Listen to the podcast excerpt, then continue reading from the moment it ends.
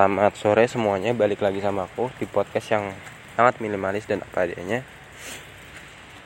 Ini episode terakhir tentang pelecehan seksual di mana aku bakal kasih tips and trik buat perempuan dari aku yang sering banget bahkan setiap hari melihat kasus-kasus ini begitu kerap terjadi setiap hari. Ya.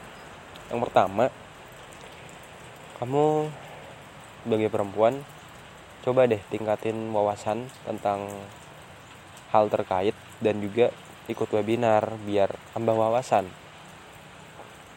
Terus yang kedua, ikut komunitas-komunitas yang memberdayakan kamu sebagai perempuan seutuhnya. Misalkan ikut kelompok kreativitas atau nulis, pokoknya hal-hal yang membuat kamu semakin bermakna sebagai perempuan. Apalagi sekarang namanya teknologi modernisasi itu kita bisa belajar di mana aja bahkan banyak yang gratis. Meskipun ya harus kamu kurasi betul-betul. Yang ketiga adalah tingkatin pondasi iman kamu. Misalkan kalau kamu Islam kamu coba sholat lima waktu di awal. Di awal. Kenapa di awal? Biar kamu kayak disiplin dalam segala hal dalam kehidupan sehari-hari. Baca Quran meskipun cuma satu juz setiap hari itu nggak masalah.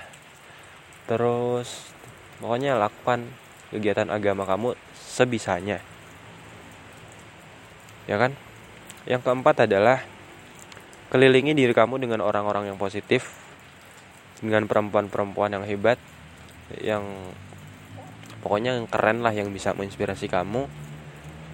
Terus kamu juga bisa mendapatkan ketegasan sebagai perempuan. Aku tuh salut loh sama perempuan yang dia tahu dan bisa menempatkan diri di mana dia berada. Dia apa ya tegas gitu sama prinsip hidupnya. Dan dia apa ya mungkin terkait tips selanjutnya yaitu jaga pergaulan antara lawan jenis yaitu laki-laki. Kenapa harus dijaga betul pergaulan? Ya mungkin kamu awalnya merasa nyaman gitu ya sama laki-laki. Itu hati-hati. Bisa jadi kamu kayak muncul perasaan nyaman terus bergantung sama dia dan kita nggak tahu laki-laki itu beneran baik atau enggak banyak laki-laki sekarang tuh yang PHP yang suka ghosting yang suka manfaatin perempuan itu banyak banget. Jadi kamu sebagai perempuan harus hati-hati jaga pergaulan khususnya di virtual di ranah chattingan. Karena kan banyak ya laki-laki yang menggunakan media virtual sebagai ajang mencari mangsa dalam tanda kutip misalkan laki-laki itu kata-katanya manis untuk menarik perempuan padahal lihat itu cuma jebakan. Kamu harus hati-hati sama laki-laki yang begitu. Jadi batasi kalau mau chattingan sama laki-laki itu kalau ada perlunya aja kalau ada urusan profesional misalkan urusan sekolah urusan kuliah insya Allah kamu bakal selamat lah. Setidaknya bisa selamat. Terus kalau di dunia nyata kamu batasi juga pergaulan sama laki-laki. Misalnya ya jangan deket-deket sama laki-laki. Kalau misalkan emang ada urusan bareng urusan bersama ya seperlunya aja gitu loh.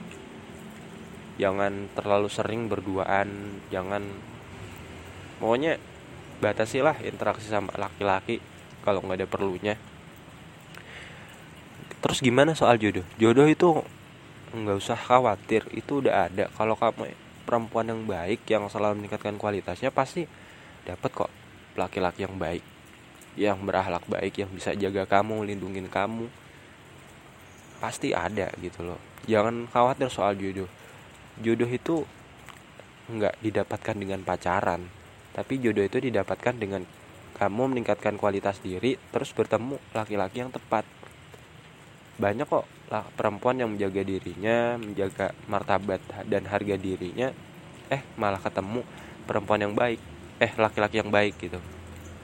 Laki-laki yang soleh dia yang bisa jaga kamu yang bisa buat kamu bahagia dan kamu merasa aman saat dekat dengannya. Gitu kayaknya itu aja sih. Semoga tips-tips sedikit ini bisa bantu kamu untuk menghindari namanya kejahatan seksual dan hal-hal terkait